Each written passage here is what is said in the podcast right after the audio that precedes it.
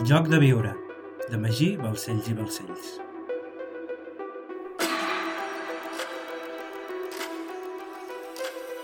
Capítol 5. Els Jové Carbonell. Dos quarts tocats de tres.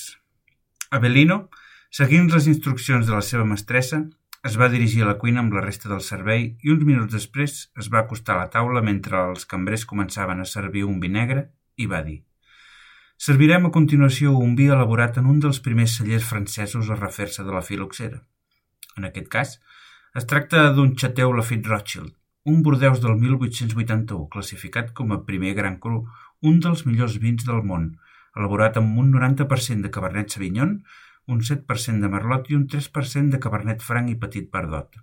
Es tracta d'un vi que combina potència i finor a la perfecció amb un lleuger aroma de confitura de fruita madura, molt vigorós, estructurat i complex, amb un envelliment que supera la resta de vins del món, inimaginable. Pot arribar a envellir durant un segle i cada any que passa millora.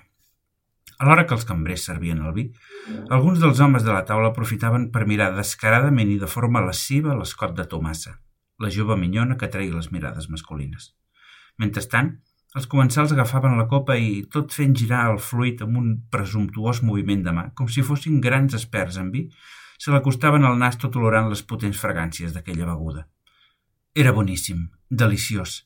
Sens dubte ajudava a passar el neguit d'aquell estrany i escabrós joc, sobretot si un es deixava embriagar una mica el sentit sense sobrepassar els límits del decor degut. A continuació podran degustar un consumé Olga, explicava Belino, alhora que els cambrers començaven a repartir el segon plat i Paulina Pozzali arribava a la sala procedent del lavabo. Una de les més famoses elaboracions del xef Escoffier.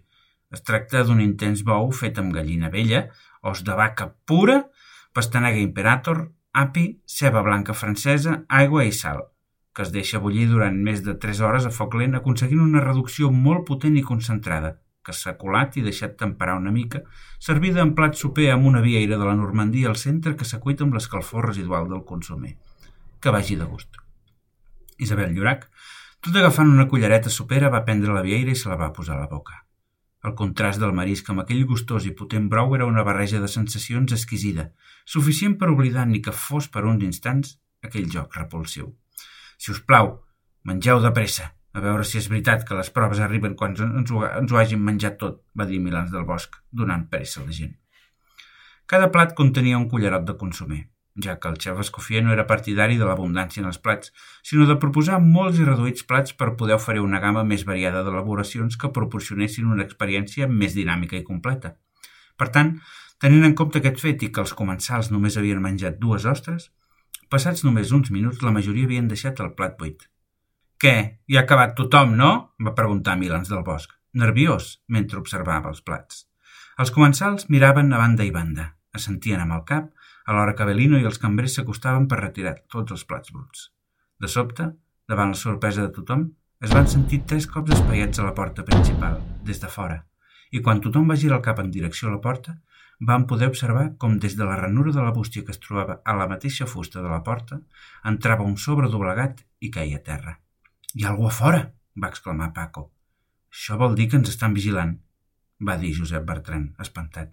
Segur que no hi ha cap manera de sortir d'aquí? va dir Maria Carbonell. Ningú sortirà d'aquí. Tenen el meu fill! va cridar Milans del Bosc. Avelino, porti les proves. Avelino es va acostar a la porta i va agenollar-se per recollir el sobre. Un cop alçat, amb la ranura de la bústia just davant dels seus ulls, no va poder estar-se'n d'apropar el dit a la llengüeta metàl·lica i alçar-la per mirar si podia veure qui hi havia a l'altre cantó. Però només alçar-la va enretirar el dit immediatament i va fer un pas enrere, espantat, alhora que des de l'altre cantó de la porta es va sentir. No dubteu que la faré servir si no respecteu el joc. Avelino, mirant en direcció a la taula, va dir «Té una pistola». «Com?» va dir Lluís Llorac, mentre molts dels presents entraven en pànic. «Quants són?» va preguntar Joan Antoni Güell. «Només he vist una mà amb, un, amb una pistola», va respondre Avelino. «Per l'amor de Déu, això és un malson va dir Isabel Llorac posant-se la mà al front. Vinga, va, va dir Milans del Bosc. Anem per feina. Té una pistola i vol que juguem. I qui té la pistola mana. Avelino, porti el sobre. Avelino es va acostar amb el sobre. El va obrir i va observar que hi havia petits sobres numerats a l'interior, exactament 32, com en el primer cas, i un paper blanc amb una graella dibuixada. Aquí hi ha un paper, va dir Avelino, ensenyant-lo. Què, què, què hi diu? va preguntar Paco. És una graella, acompanyada d'un text que diu «Ordeneu les pistes», va dir Avelino, mostrant el paper. Les dues primeres columnes estan escrites, la primera de l'1 al 8, i, les, i a la segona hi ha els plats que menjarem desordenats. La tercera columna està buida. No ho entenc, va dir Lluís Llorac. Al costat del número 1 hi ha les postres, i al costat una casella buida, explicava Avelino ensenyant la graella als comensals. Al costat del número 2 hi ha el cinquè plat i al costat una casella buida. Al costat del 3 hi ha el quart plat, al costat del 4 el tercer plat, al costat del 5 el setè, al costat del 6 el sisè, al costat del 7 el segon plat i al costat del 8 el vuitè plat. Han dit que al final de cada plat ens proporcionaran una pista, no? va dir Maria Cristina Güell pensant en veu, en veu alta. Ara estem al segon plat i se suposa que amb aquestes 32 sobres obtindrem la pista del segon plat que haurem d'apuntar a la casella corresponent al segon plat. Exacte, va dir Avelino mirant la garella. Serà la pista número 7. I per què ens donen les pistes desordenades? va dir Milans del. No seria més fàcil que ens ho donessin per ordre? Vés a saber, va dir Lluís Ferrer Vidal. Avelino, reparteixi els sobres, si us plau, va dir la senyora Isabel Llorac. Començant per una punta de la taula, els va repartir i a mesura que cada comensal els va tenir oberts, es van alçar per ordre i els van llegir. Us donaré una pista, va llegir Anna Jové. És una professió, va seguir Matías Muntades. Nascuda a l'antiga Roma, va seguir Antoni Maria Jové. El seu exercici comporta una lluita de passions, va dir Antònia Bertran, a la recerca d'arguments per convèncer i construir així, va dir Milans del Bosc. Una veritat oficial inqüestionable, va dir Arnaldo de Mercader. Amb total independència, va seguir Carlos de Sant Manat. Que aquesta es fonamenti, va dir Josep Bertran, en la mentida o la certesa, va llegir Joan Antoni Güell. Requereix tranquil·litat i enteresa, ja que en cada batalla va seguir Isabel Llorac. Es carrega l'ànima d'un rancor que va llegir Carme Estruc. Si no es deixa marxar, arribarà un dia en què el consumirà, va dir Guillem de Pallejà, marquès de Montsolís. El que és experimentat, va dir Domènec Cert. Sap que un cop conclòs el combat, va llegir Maria Cristina Güell. Cal oblidar tant la victòria com la derrota, va seguir Isabel Güell. Si el que es vol és continuar, va dir Joan Godó. El que és experimentat, va llegir Paulina Pozzali. Sap tenir una obstinada paciència, va dir Maria Teresa Núñez del Pino, ja que coneix que el temps es venja de les coses, va seguir Amàlia Godó, que es fan sense la seva col·laboració, va llegir Virginia Chorroca. Requereix l'autorització de l'Estat per exercir, va dir Ramon Godó. És una feina que s'aprèn estudiant, va dir Lluís Llorac, però s'exerceix pensant en va dir Josep Batlló. Quina és la millor manera de convèncer? Va dir el cardenal Vidal i Barraquer. A la dona dels ulls embanats, va llegir Lluís Ferrer Vidal. Una dona que, segons els romans, va seguir Maria Carbonell. És la constant i perpètua voluntat, va dir Francesc Cambó, de concedir a cada individu els seus drets, va llegir Eusebi Güell. Encara que la pràctica, va seguir Clotilde Ricard, s'inclini sempre, va dir Paco de Mercader, a favor de la voluntat del més poderós, va llegir Èdit de Llaurador. Sabeu de quina professió us parlo? Va finalitzar Consuelo Jové. Convèncer la dona dels ulls embanats? va dir Lluís Ferrer Vidal, pensant en veu alta. La dona dels ulls embanats és la justícia, va dir Antoni Maria Jové. La justícia és cega. És una feina que s'aprèn estudiant però s'exerceix pensant en quina és la millor manera de convèncer la dona dels ulls embanats, va dir Maria Cristina Güell. És a dir, que s'està referint a algú que es dedica a convèncer la justícia. S'està referint a un advocat, no? va dir Antoni Maria Jové. No ho sé. Tu ets advocat, no? va dir Lluís Llorac, mirant Antoni Maria Jové. Al moment, tothom es va girar en direcció a Antoni Maria amb actitud inquisitiva. No, no, eh, no us equivoqueu, eh? va contestar Antoni Maria. Soc llicenciat en dret, però mai he exercit com a advocat. A la nostra família no ens cal treballar. Vivim de rendes. Antoni Maria Jové i Vilanova era un home de mitjana estatura, més aviat baix, d'aspecte prim i amb una tira de cabells blancs curts que li anaven des de les orelles al clatell, dibuixant una gran calvície i ressaltant els seus grans ulls negres en contrast amb la seva petita boca. Pels seus 53 anys aparentava més edat, probablement degut al fet que sempre havia viscut de renda i mai havia treballat de veritat. Havia portat una vida ordenada, però en el luxe, i mai s'havia estat de res. Menjava i bevia el que li venia de gust, sense parar gaire compte amb la salut i si bé no era un home d'accessos, la seva dieta alta en carns i amb abundant vi li havia passat factura. Tenia dues grans passions, el seu cavall, el Niño, a qui tractava com si fos el seu fill, i la vida de l'oci burgès, és a dir, deixar-se caure pel Liceu, l'hipòdrom del Prat, passejar pel Passeig de Gràcia i assistir a les festes i celebracions de la classe alta. Havia arribat a viure amb la seva dona a dos quarts en punt de dues, amb l'antiga tartana de mudada Cal Jové de les Piles, feta amb fusta de caoba procedent de Cuba, conduïda per un home del servei de casa seva i estirada pel seu amant cavall. Antoni Maria havia nascut a Barcelona el 27 de desembre de 1870, el mateix dia en què es va produir l'atemptat contra el general Prim a Madrid, en ple sexeni democràtic, i era fill d'una de família burgesa comercial amb importants propietats immobiliàries a la ciutat de Barcelona. El seu pare, Antoni Jovella Menós, havia nascut al poble de les Piles el 1839, essent del mateix poble i de la mateixa quinta que el doctor Llorac, i era el petit de tres germans d'una poderosa família comercial i agrícola de la Baixa Sagarra. Els Jové de les Piles havien estat pagesos durant segles fins que, a mitjan del segle XVIII, un dels cavalers de la família va fer fortuna com a traginer, conjuntament amb altres famílies de copons, poble on s'havia desplaçat a viure. La companyia creada pels traginers coponencs va establir una xarxa comercial considerable, arribant primer a les ciutats de Tarragona i Barcelona i després al nord d'Espanya. Gràcies a aquest parentiu, els Jové de les Piles van entrar a participar del negoci, controlant la branca tarragonina de l'empresa i aprenent en què consistia el negoci del comerç. Així, es van enriquir tant com per començar a comprar propietats agrícoles a les piles fins a convertir-se en una de les famílies més riques de la comarca, avançant fins i tot als prous, la família de safareners de les piles que havia dominat el poble des de l'edat mitjana. Després de generacions de viure en una estreta i vella casa sense cap comoditat del carrer Major, el 1786, d'acord amb la seva nova posició, es van fer construir una gran casa pairal a les piles, just al costat de l'església, amb una àmplia façana de quatre grans balconades, amb una vella escala interior de pedra, habitacions amb alcova, un jardí ampli amb pou i safareig propi a la part del darrere, estables, cellers i fins i tot un forn de pa. Arribat a aquest punt, la família Jové de les Piles va instaurar una política matrimonial consistent a enllaçar els fills i filles amb famílies benestants de la zona – va ser d'aquesta manera com els Jové van emparentar amb els amenors de Passanant, un fet d'extraordinària importància, atès que va permetre que Antoni Jové i Amenós fes amistat amb Facund Bacardí i Massó, nascut a Passanant i fundador del Rom Bacardí.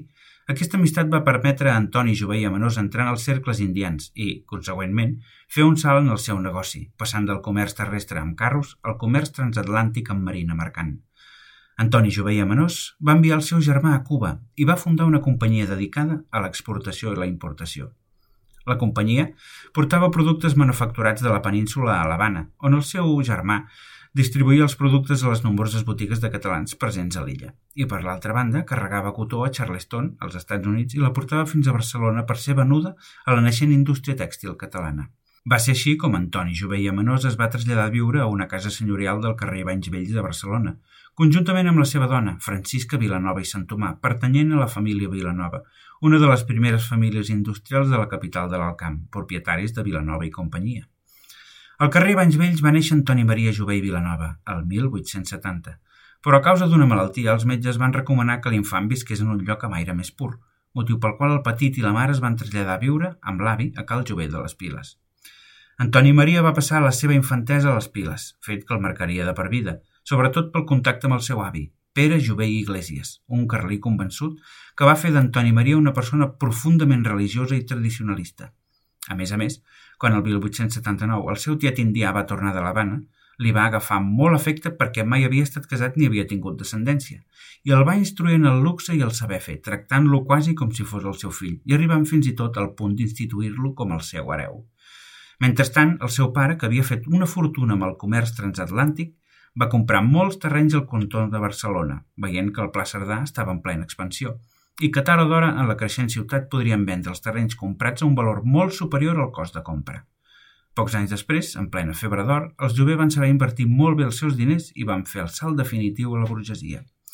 Quan Antoni Maria va tenir edat, va decidir estudiar dret i, com com a tal, va entrar a fer pràctiques al bufet del seu tiet matern, Josep Maria Vilanova i Sant Tomà, un important advocat de la ciutat, conegut sobretot per haver encarregat a Josep Llimona una escultura amb la tomba de la seva primera esposa, Mercè Casas i Carbó. Malgrat els bons moments del bufet, però, Antoni Maria, un cop mort el tiet indià i amb la seva fortuna a les mans, va preferir no continuar treballant una vegada concloses les pràctiques i poc temps després, un cop acabada la carrera i mort el seu pare, es va casar amb Maria Carbonell i Pic, filla d'una família industrial de Sabadell, i va decidir no treballar més.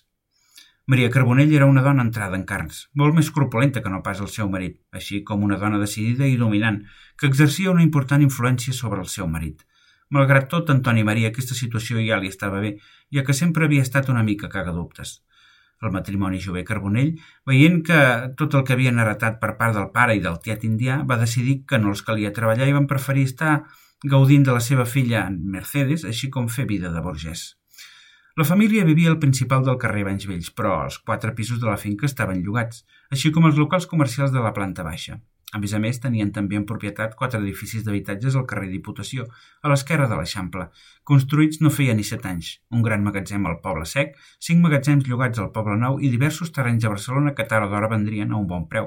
Tot això sense comptar els diners que el seu pare i el seu tiet li havien deixat al banc, 1.359.758 pessetes, el que era una fortuna. Com a burgès que era, però, Antoni Maria tenia la intenció d'anar a viure a un lloc més digne algun dia, un lloc més acord amb la seva posició que no pas en un estret carrer dels Banys Vells. Així que tenia pensat aixecar una casa a la Gran Via de les Corts Catalanes cantonada en Villarroel i volia contractar l'arquitecte César Martinell, una jove promesa de l'arquitectura que havia aixecat bellíssims cellers cooperatius per tota la conca de Barberà i l'Alcamp i que havia conegut d'estiuatge a les piles. Per fer-ho, però, no volia gastar ni una passeta, de tal manera que va vendre totes les propietats agrícoles de les piles, exceptuant la casa pairal, és clar, que serviria per a l'estiueig, i també diverses parcel·les que li quedaven a Barcelona, entre les quals la gran finca on Puig i Cadafalc va edificar la mansió i els dos xalets de la família Llorac, amb qui tenia un estret vincle per provenir a dues famílies del petit poble de les Piles. Aquesta operació li va permetre viure de renda de previda i poder dedicar-se als cavalls i a la vida de burgès, rodejant-se per Barcelona amb homes de pes a causa del seu parentiu i amistat. Entre els seus amics íntims hi havia Ignasi Girona i Vilanova, descendent d'una important família de banquers i industrials, i cosí seu per part de pare, o Consuelo Jové i Vidal, marquesa de Gelida, naviliera industrial i banquera provinent de la família Jové de Copons. Per tant, cosina llunyana seva. A més a més, Consuelo Jové estava casada amb Eusebi Güell i López, el germà del comte de Güell, amb la qual cosa la finestra d'oportunitats d'Antoni Maria es va obrir de bat a bat. L'has posat tu al dit, Antonio? va preguntar Milans del Bosc.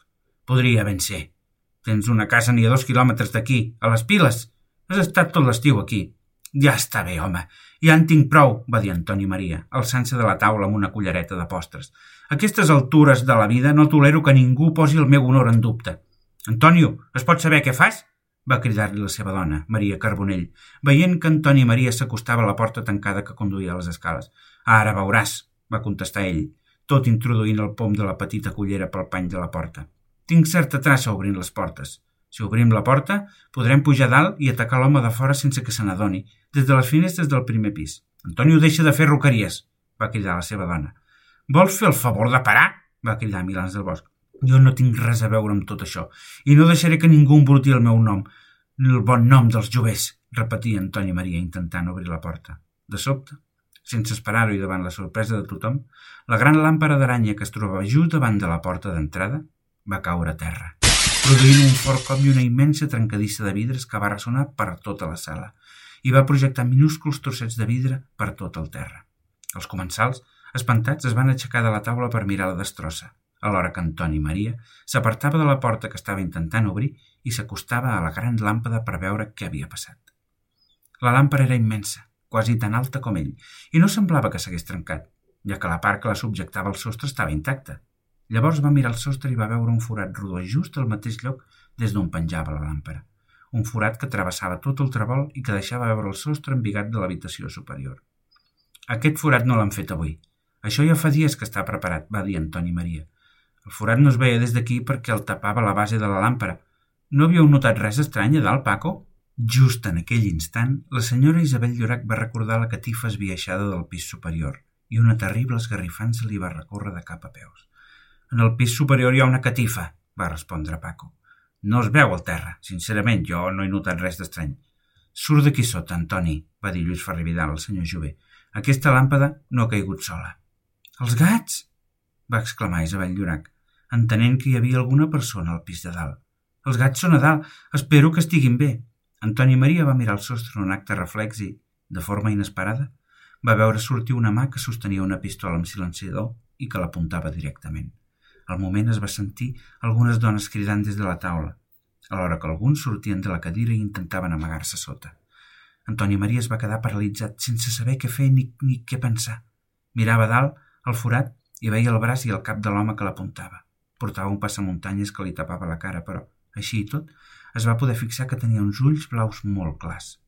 Si tornes a intentar obrir la porta, et forado el cap, va cridar la persona de la pistola, tot mirant Antoni Maria. Sense esperar-ho, Antoni Maria va veure com la persona de la pistola movia el braç i apuntava cap a una altra direcció. Immediatament es va cobrir un acte reflex al mateix temps que se sentia un tret apagat per l'efecte del silenciador, acompanyat d'una gran trencadissa. Al cap d'uns moments, va aixecar el cap i va observar que el braç del sostre ja no hi era.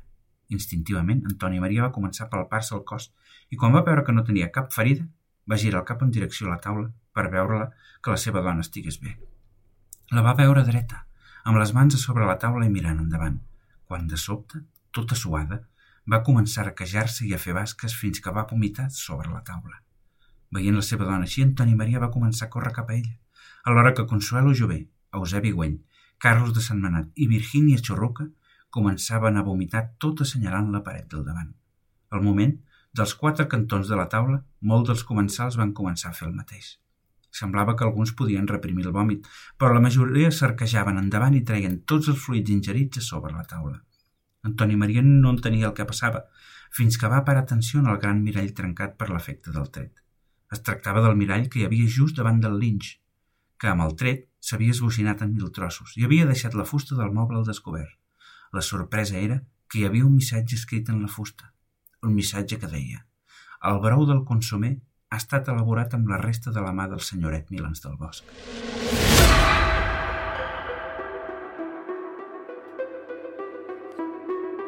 El joc de viure, de Magí, Balcells i Balcells.